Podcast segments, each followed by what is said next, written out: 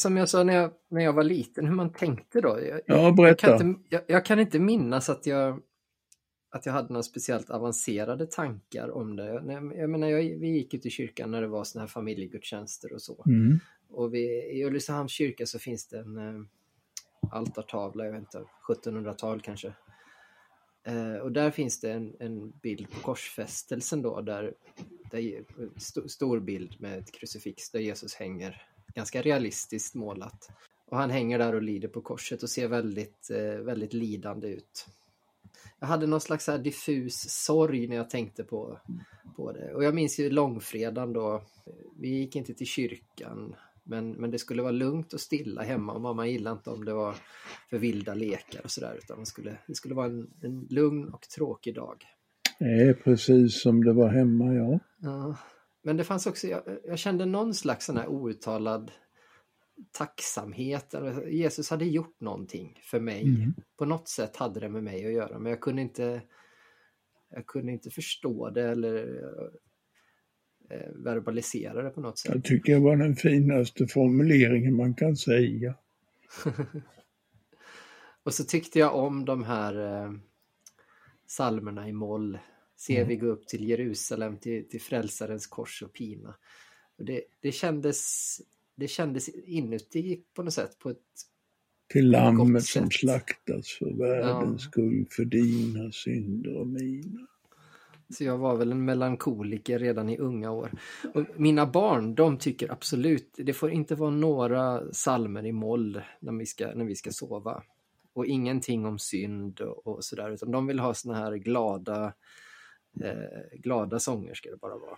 Jo men, ja, jo, men jag känner igen vad du säger där. Alltså, jag var ju mamma, när, när, när jag skulle somna så sjöng de när mor, trollmor skulle lägga alla de där trollen hos Mm. Och jag grät ju.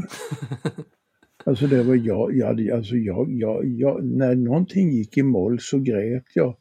Och när jag, när vi hade en bok som hette Nu ska vi sjunga. Och där var det en, en, en, en bild av en pepparkaksgubbe som hade liksom brutit halsen och jag sa det, mamma jag vill inte se den bilden. Så de fick ta och måla in det, måla fast halsen därför att, alltså jag tyckte det, ja men just jag är också väldigt känslig måste jag säga. Det var inte så att jag tyckte om moll utan när de sjöng någonting i moll då så jag, jag kunde till och med gråta alltså. Mm. Ja, så är mina barn, men jag hade någon, jag, jag tyckte om det på något sätt. Jo men det är samtidigt klart man, man kände väl alltså att på långfredagen då sjöng man ju inte glada sånger utan då var det allvarligt. Och, Både mamma och pappa var ju så här lite andra generationen, alltså farmor var ju from missionsförbundare ja, eh, och morfar var, var svenskkyrklig då. ja. Och vi, vi gick ju till kyrkan sådär på, på familjegudstjänster och vi var med i kyrkans barntimmar och sådär men det var inte sådär eh, det bads inte aftonbön hemma och så. Eller bordsbön eller sånt. Vad sa du att ni inte gjorde det? Nej, vi gjorde inte det. Eh, möjligen när jag var riktigt liten, men jag har inga, jag har inga minnen av att vi, vi bad tillsammans hemma. Inte ens om jag är Gud som haver barn och kär, se till Nej. mig som liten är. Med, med farmor, vi bodde i en villa då, så fanns det en lägenhet på nedre botten och där bodde farmor. Och när jag var, jag var ju jättemycket hos henne då. Och då var det ju bön och, och barnens, hon läste barnens bibel för mig. Jaha. Så där. så hon, hon fick väl, stå, jag tror mamma tänkte nog, ja men det där sköter farmor. Jaha, ja, ja, ja, ja, ja, ja, ja. Men sen, sen jag blev tonåring då, då hade jag ju en liten utflykt i, i jag blev väldigt vänster och var med i fredsrörelsen och, och vä- vägrade vapen. Och. Vilka år, vilket år är detta du? ja, då har, ja, det här är ju mitten på 80-talet. Mitten på 80-talet, ja, ja. Ja. Ehm, eh, och samtidigt var jag ju aktiv då i EFS och det här lite karismatiska. Och, eh, och fick ihop det där på något sätt, jag vet inte riktigt. Men, men och då blev det ju mycket det här med eh, Jesus som den solidariske, alltså att, att när Jesus lider på korset så som andra människor lider i världen, i krig och rashat och kvinnoförtryck och, och det, var inte, går... det var inte kamrat Jesus, alltså den Nej, revolutionär. Inte, inte riktigt. Inte utan riktigt. det var alltså den, medlid, den medlidande, ja, den, ja, just det, den, den lidande, solidariske medlidande, ja ja. Mm. Ja, och att, eh, att jag läste ju en del sån här befrielseteologi då, att frälsning handlar om den förtrycktes befrielse då. Eh, men jag, jag, blev nog inte helt, eh, jag hade nog ändå kvar de här andra med, med offertanken och, och eh, Jesus som, som Guds son och sådär. Men, men sen gick jag ju då på den här bibelskolan. Jag, jag hade jag skulle börja på, på folkhögskola men jag hade en termin då när jag inte hade, eller en, en halv termin jag inte hade något att göra då. Mm. Så funderade jag på om jag skulle fortsätta jobba eller vad skulle, och då tänkte jag, nej men jag går den här bibelskolan då, det verkar roligt. Som, som gavs av Missionskyrkan då, det var deras gamla evangelistutbildning, det visste ju inte jag då, men vi blev ju avskilda där med, med bön och handpåläggning i, i kyrkan där, först när det var slut. Jaha du, det är väl det jag alltid har misstänkt. ja, men det tog nog bra, det tog nog bra ska du se. um, och då var det två distriktsföreståndare då i, i, gamla missionsförbundet som inte finns längre, som, som, var, som var lärare. Och då hade de, jag tror vi hade en hel dag som handlade bara om försoningen då. Och och han beskrev ju det här som du pratade om då med Anselm i väldigt mörka färger och, och hur hemskt, hemskt det var med den här objektiva försoningsläran då. Att Gud skulle kräva blod. Ehm, mm. Och så pratade han om Abelard och, och, och sen Waldenström förstås då, PP Waldenström. Eh, som hävdade att nej, nej, nej, Gud, Gud är bara kärlek. Han har alltid varit kärlek. Det har inte skett någon förändring i Gud genom att Jesus dör på korset. Utan förändringen ska ske i oss när vi ser att Gud väljer att dö för oss. Då, så ska vårt hjärta värmas och att vi ska komma till Gud och kunna lämna, lämna synden då, så, och hålla oss till honom. Att det är mitt hjärta som behöver försonas och inte Gud. Men det är ju riktigt vackert ju. Mitt trånga hjärta vidgar sig, att i din skatt, bla bla bla bla bla bla bla så vidare. Det är ju, det är, men ja, fortsätt. När världens frälsare jag ser på korset, ja, ja, ja. jag bittert ångrar. Mm. Och så vidare. Vilket ju, vilket ju faktiskt är, eh, det som du just berättar är ju, jag menar det är ju alldeles rätt. Jag menar det som, det som hävdas är ju ofta i, i, i, i heresier. Jag säger inte att detta är en heresi, men när det kommer en ny, nytt, eh, något nytt på banan så brukar det ofta vara så att det som hävdas eller framhävs, det är oftast rätt.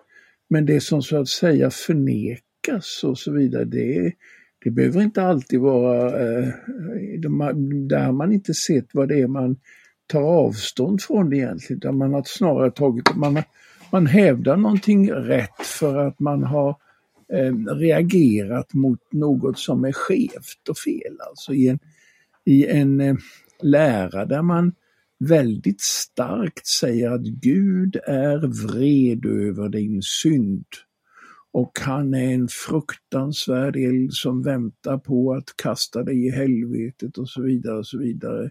Men nu så har och så vidare. Och så vidare. En sån förkunnelse, jag, jag, tror att det fanns en sån förkunnelse.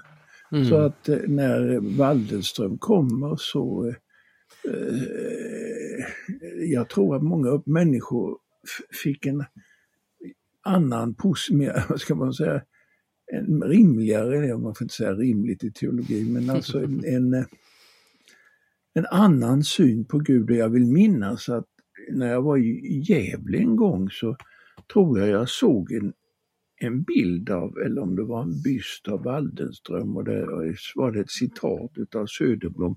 Han gav Sveriges folk en ny gudsbild eller någonting sånt där. Jag tänkte, jaha du, tänkte jag, är du Waldenströmare? Men poäng, poäng, vad jag vill säga är ju detta att om man har en sån här bild av Gud som den vrede straffande guden som är beredd att kasta dig i helvetet, så är det väl så att säga underbart att höra att Gud är kärlek. Och det som är hindret för dig, det är den synd och den ovilja du har inom dig. Låt dig bevekas av Kristi kärlek. Jag menar, det är väl, det är väl rätt i och för sig. Men så kommer ju, vad, vad som inte kommer fram i den tanken är ju nå, hur hanterar Gud det onda? Mm. De, som Men... inte, de som inte låter, de som är hårda och oförsonliga och inte låter sig smältas av Guds kärlek, när, vilket vi talade om förra gången, alltså mot den onda människan så står ju Gud själv i Kristus och säger Du har gjort ont mot mig, du har gjort ont mot den här människan och det passerar inte obemärkt utan du får tillbaka vad du har gjort. Ja, men måste, ska jag lida? Ja, du ska få tillbaka vad du själv har gjort. Så det är inte bara en fråga om en process i mitt hjärta utan det är en fråga om det större sammanhanget om Guds rättfärdighet och den yttersta domen och hur det ska bli, hur, hur var och en ska få igen sitt, sitt jordelivs gärningar. Jag kan mm. förstå Waldenström utifrån en, en mycket, vad ska vi säga, specifik teologisk, historisk situation och kontext.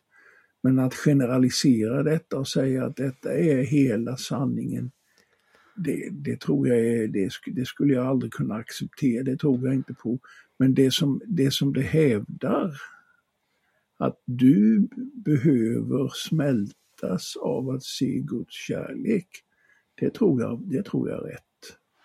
Men, men då kommer han väl undan lite lätt, för jag menar, ja. den som Waldenström var i gemenskap med, det var ju Rosenius. Och han var väl inte Nej, Rosén, nej, nej men... Även om man höll fast vid den, den objektiva försoningsläran så var det ju inte någon alls anselmsk eh, det här... Nej, nej, nej, det tror jag inte. Och där, där har jag, jag har ju faktiskt eh, citerat den här salmen En har dött för alla och så vidare. Den här eh, med Gud och hans vänskap, den salmen som inte jag visste hade helt, vilken okunnighet. Som, du har inte gått på Johannelunds teologiska Nej, institut? Nej, jag har inte gjort det. Och jag har inte... Där sjunger man alla verser. Nej, men jag, har aldrig, jag visste inte detta, Markus, att det fanns flera verser.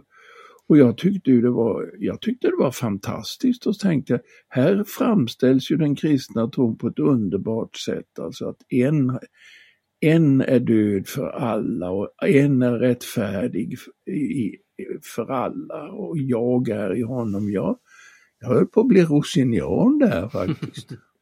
Tänkte den mannen har ju begripit då. Han har ju begripit vad det handlar om. Mm. Men hur gick det sen då? Ja men sen började jag ju då på folkhögskola då på Helsjön i, i Göteborgs vem står, för, vem står för Helsjön?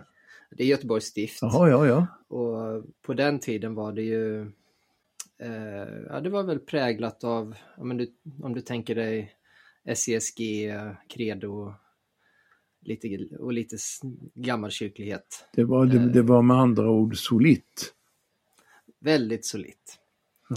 Eh, Karl Magnus Adrian var rektor och, och, och, undervisade oss i troslära. Han var ju kyrkoherde i eh, Sankt Pauli sen ja, ja. I, Göteborg. Men, men eh, och drag av gammalkyrklighet, men, men med jättestor öppenhet och nyfikenhet. En helt underbar lärare. Vi satt och pratade om det här med, med försoningen och, och han hade ju en helt annan utgångspunkt då än, än eh, vad man hade i Missionskyrkan. Där inget beror på oss. Försoningen sker utanför oss, någon annanstans. Extra nos, jag... extra nos pro nobis som de säger. Ja. ja, oberoende av våra känslor och vår eventuella tro. Jag vet han, han, han ritade på tavlan där hur korset och Kristus hänger på korset. Och så sitter det några och, och spelar tärning under korset där. Mm. Det är mm. vi då, vi sitter där och spelar tärning. Och vi har ingen aning om att, att Gud dör på korset för vår skull. Det händer Eh, oavsett vad vi tycker och tänker om det. Och vi läste eh, Bo Giertz Trons ABC och vi hade till och med Agne Nordlander, EFS han var ju rektor på Johannelund då, när jag började. Korsets mysterium då, där han går igenom de här olika modellerna som vi har pratat om då med kamp och seger och objektivt och subjektivt och solidariteten och så. Och jag läste jättemycket om det här, jag var helt, jag var helt fascinerad av, av att, man kunde, att man kunde tänka så här. Eh, och då, då kunde jag inte förstå hur någon människa kunde tänka att försoningen skedde i mig. Vad är det att leva och dö på? Mitt, mitt hjärta? Det håller ju inte, det är inget man kan bygga på. Jag behöver något fa fast och stadigt att hålla i. Mm. Och hur ehm, eh, Gertz tror jag det var som skrev i, i kyrkofromhet där då, att man, man är inte frikännande i en himmelsk rättegång som man kan hålla fast vid. Det, det, står, det står stadigt då. Jo men Marcus, om man tänker så här att eh, det är båda va. Alltså, jag tror att man får tänka på försoningen som någonting som sker pro nobis, för vår skull, för oss. Det är sant. Eller om jag skulle vända på det och säga det steg extra nos, det, skrev, det sker utanför oss, oberoende av oss, vare sig vi tror det eller inte, extra nos. Och det är väl alltså själva eh, försoningen. Och den är till skillnad från eh, det som eh, en del reformerta säger, försoningen är alltså o den är gränslös. Det är inte en begränsad försoning för vissa utan den, är, den har skett för alla oberoende av alla människor. Alltså extra nos utanför oss. Men samtidigt så har den skett pro nobis för vår skull och oss till godo. Men hur kommer den oss till godo? Ja, det är ju genom rättfärdiggörelsen. Det måste ju ske en tillägnelse utav försoningen i mig. Den mm. måste nå mig och hur når den mig? Ja, det måste, då kan det man kan ju tänka sig att när du hör budskapet om att Gud finns och Jesus har dött på korset medan du var en syndare och inte frågade efter detta. Och vägen till Faderns hjärta är genom detta öppet och makt, syndens och dödens och djävulens makt, hur den än ska förstå, den är bruten över dig människa. Och Jesus har lidit och dött för dig som om du vore den enda på jorden och han, han vill att du ska vara hans vän och han, eh, även om dina synder är blodröda så kan de bli vita som snö och hela det här eh, övertyg. Och en människa säger käre gode Gud Jesus hjälp mig, jag oa skäms och så kommer tårarna.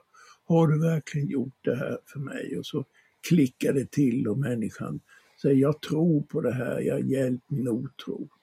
Kanske har missionsförbunden i det här fallet, jag vill inte säga, eller Waldenström, inte blandat ihop men liksom eh,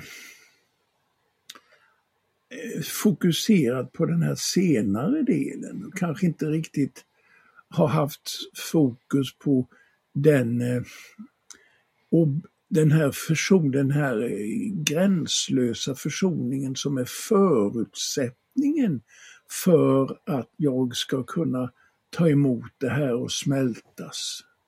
Samtidigt så skulle jag ju då vilja säga att det här med att du kan smältas och komma till tro, det är ju därför att den heliga ande verkar och blåser på dig och värmer ditt hjärta och gör dig plötsligt levande eller seende och så vidare. Så att bara detta att du kan eh, överväga att titta på Jesus eller tro på honom när han säger det är ju Guds verk i dig också genom ordet och genom skickelser i livet. Så jag, mm.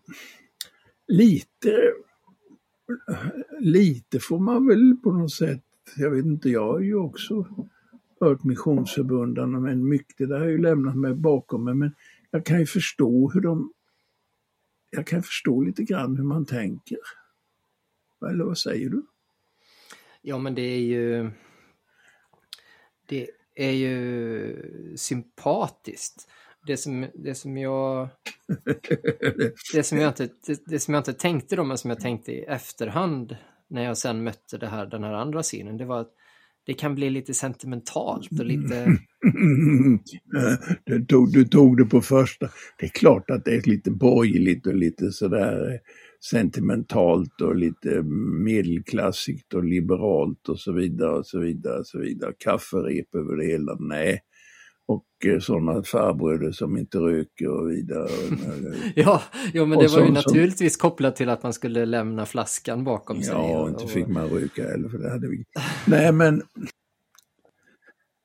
men hur gick det sen för dig? Du, du eh, fortsatte alltså på din andliga väg? Ja, jag vet inte om, om jag kom så mycket längre. Än, jag, jag blev nog kvar där i Gerts och, och kyrkofromhet. Och... Men när kom, du, när kom du i kontakt med Gerts? Är det, var det här Nej, men det var ju på Helsjöns folkhögskola. Det är Helsjön mm. du fick den. Är... Men jag, jag, jag hade sökt det där ändå. Alltså jag, jag menar, jag var ju med i Kyrkans ungdom i Ulricehamn då. Och det var ju typiskt Skara stift. Det var Ansgarsförbundet och vi var på läger i, i skogen. Och, och det var väl dugliga präster, men det var ingen...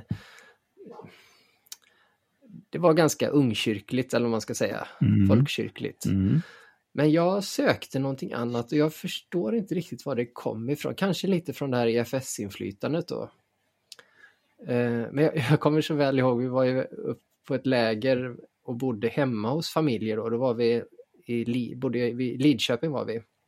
Och då blev vi inkvarterade hos en en familj där. Och det, de var ju förmodligen då kyrkligt förnyade då för att de hade mycket hjärts och sånt där i bokhyllan. Mm. Och jag kommer ihåg att jag gick upp på natten eller jag, och läste. Som någon slags Nikodemus där då. Och läste hjärts och kände mig lite skyldig för det var ju fult då. Var, och jag, vi åkte över stiftsgränsen då från Ulricehamn ner till... Eh, Vad var det som var fult? Vad menar du? Nej men det var Göteborgs stift och, så, och kvinnoprästfrågan och allt oh, det där. Gode Gud, jaha. Eh, eh, och vi åkte över stiftsgränsen ner till, till Gröna hög. För där var det, det var ju någon slags liten ungdomsväckelse där i Kind och Mark eh, i Göteborgs stift då på på slutet på 70-talet och in, in på 80-talet. Och då, och då, hade de bland annat ett läger då i Gröna hög då, där dit det kom massa ungdomar. Vad är den närmaste staden? Eh, ja, närmaste staden är Ulricehamn då, men det är ju... Kind? Skara, alltså Kind är ju men, Kinna och, och Skene och Jaha, där neråt, ja, ja, ja. Mm, ja. Mm. ja, ja. Och även Tranemo och Svenljunga. Ja, ja, ja. Svenljunga, ja, ja, ja. Mm. Så det var nog därför sen jag sökte mig till Helsjön då.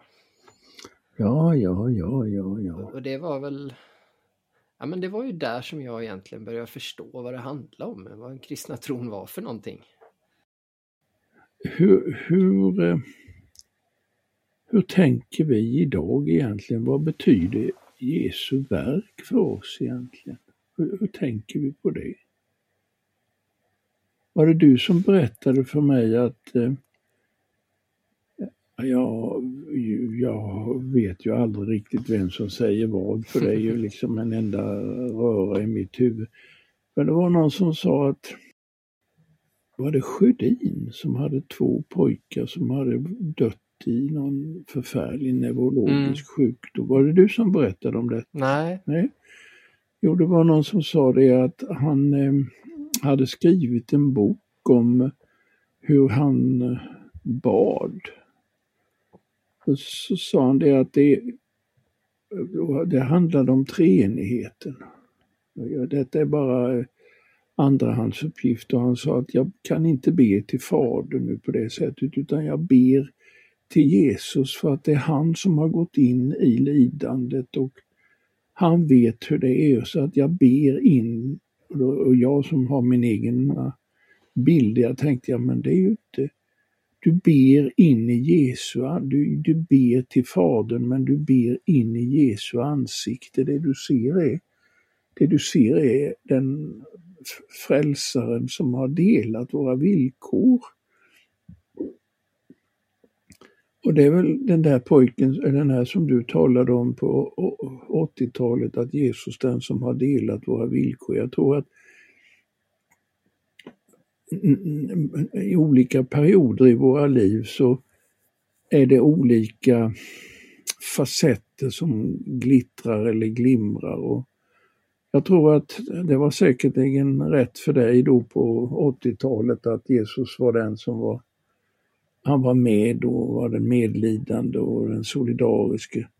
Jag tänker också på den här mannen nu som har haft svåra, svåra eh, prövningar.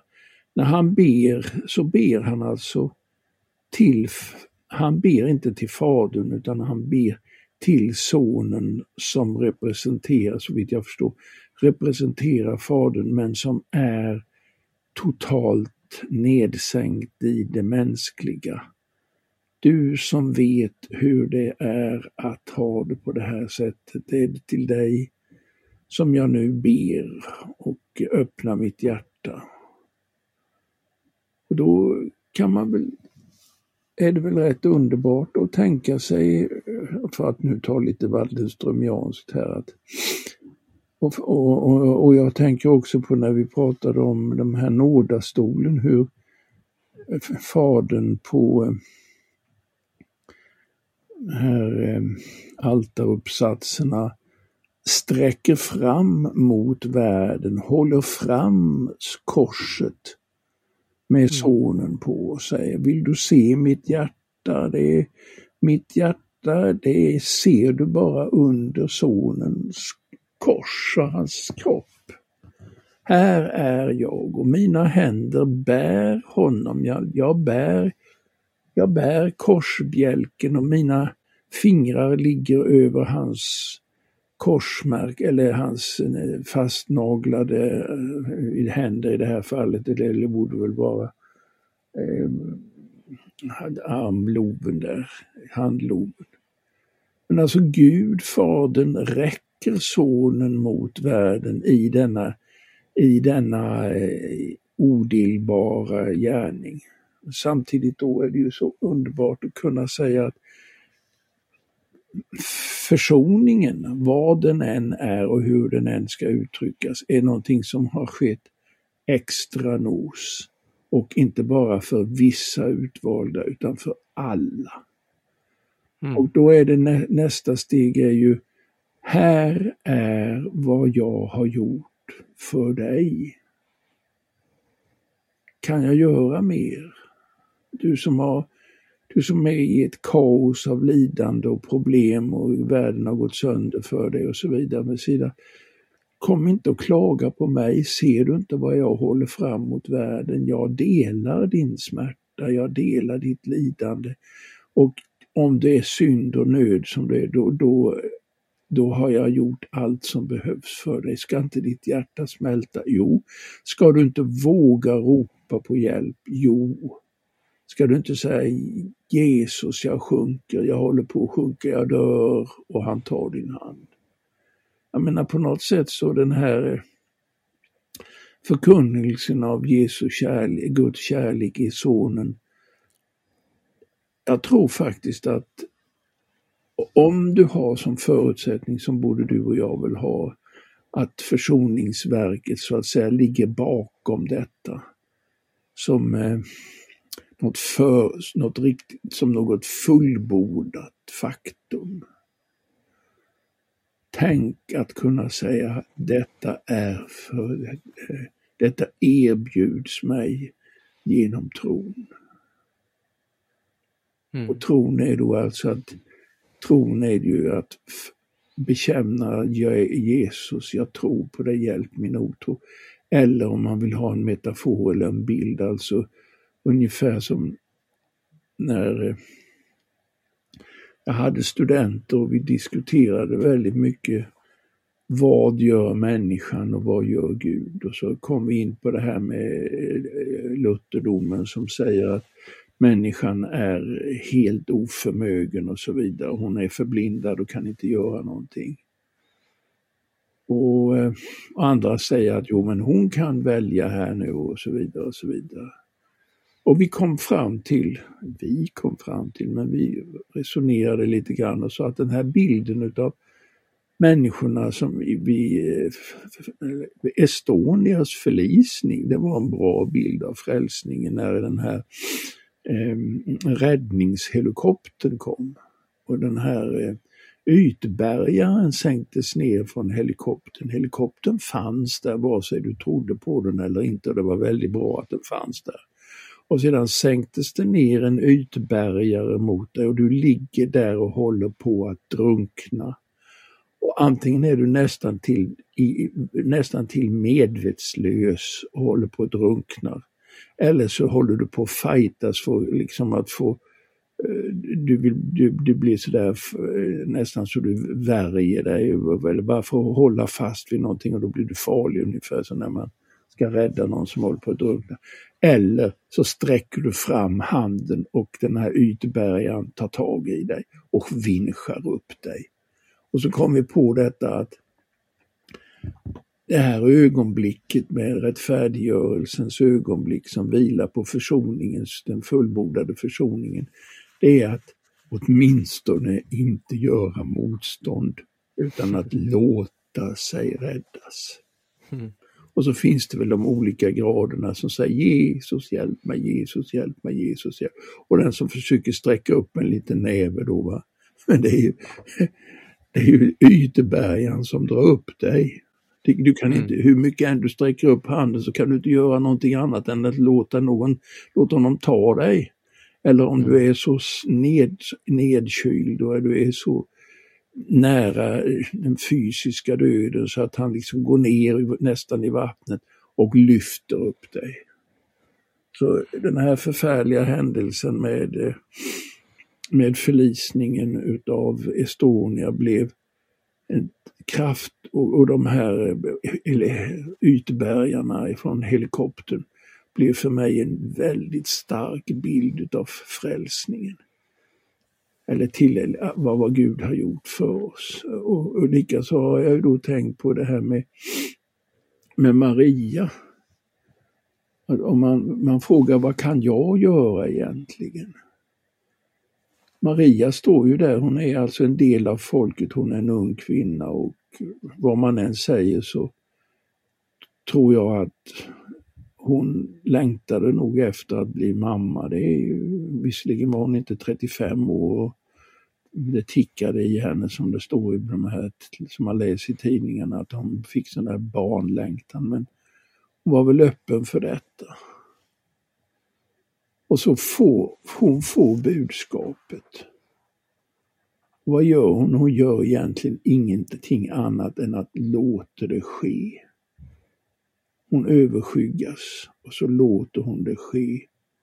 Och så sker undret och så börjar, det, börjar tron, så börjar Jesus växa i henne. Jag undrar om inte, jag undrar om inte det här mötet mellan anden via ängeln och Maria är en teologisk lins för hur man kan också tänka sig att, att Gud möter en människa. Man, man får ordet, ordet kommer till henne eller helikopterbärgaren kommer och man låter det ske. Mm. Varför? Jo, därför att sak, det finns en helikopter där nu, det här är nästan lite knäppt. Det finns en helikopter som surrar där uppe och det finns alltså en, det finns en vinsch som vinschar upp dig och det är inte jag som har tänkt ut det eller inte jag som åstadkommer det. Och likadant som för Maria, det är inte hon som har hittat på någon slags eh, spermadonator i någon egendomlig mening, utan det händer någonting. Det sker ett under i henne. Det är redan förberett, det är redan, allting är redan klart. Det är liksom eh, Förverkligandet sker med hennes medgivande, inte mot hennes medgivande. Men det sker alltså med henne. Och jag undrar om inte man kunde, jag vet inte om man får lämna det på det sättet med försoningen och Kristi verk och säga att det, vem han är, det är han, han är sann Gud och sann människa i en person. Vad han har gjort, det är det att jag kan jag kan undvika den, eller jag kan få det eviga livet. Och jag kan överleva min egen död och se Gud. Och, och när, man, när man säger en sån sak så är det ju helt omöjligt. Jag kan ju li, li, lika lite som en som ligger i vattnet och i det kalla vattnet så kan fram, han kan drömma om en helikopter och en helikopterbärgare men kan inte få fram det. Men här finns allt redan färdigt. Och jag kan säga bara tack gode Gud att det finns där. Jag tar emot det, jag låter det ske.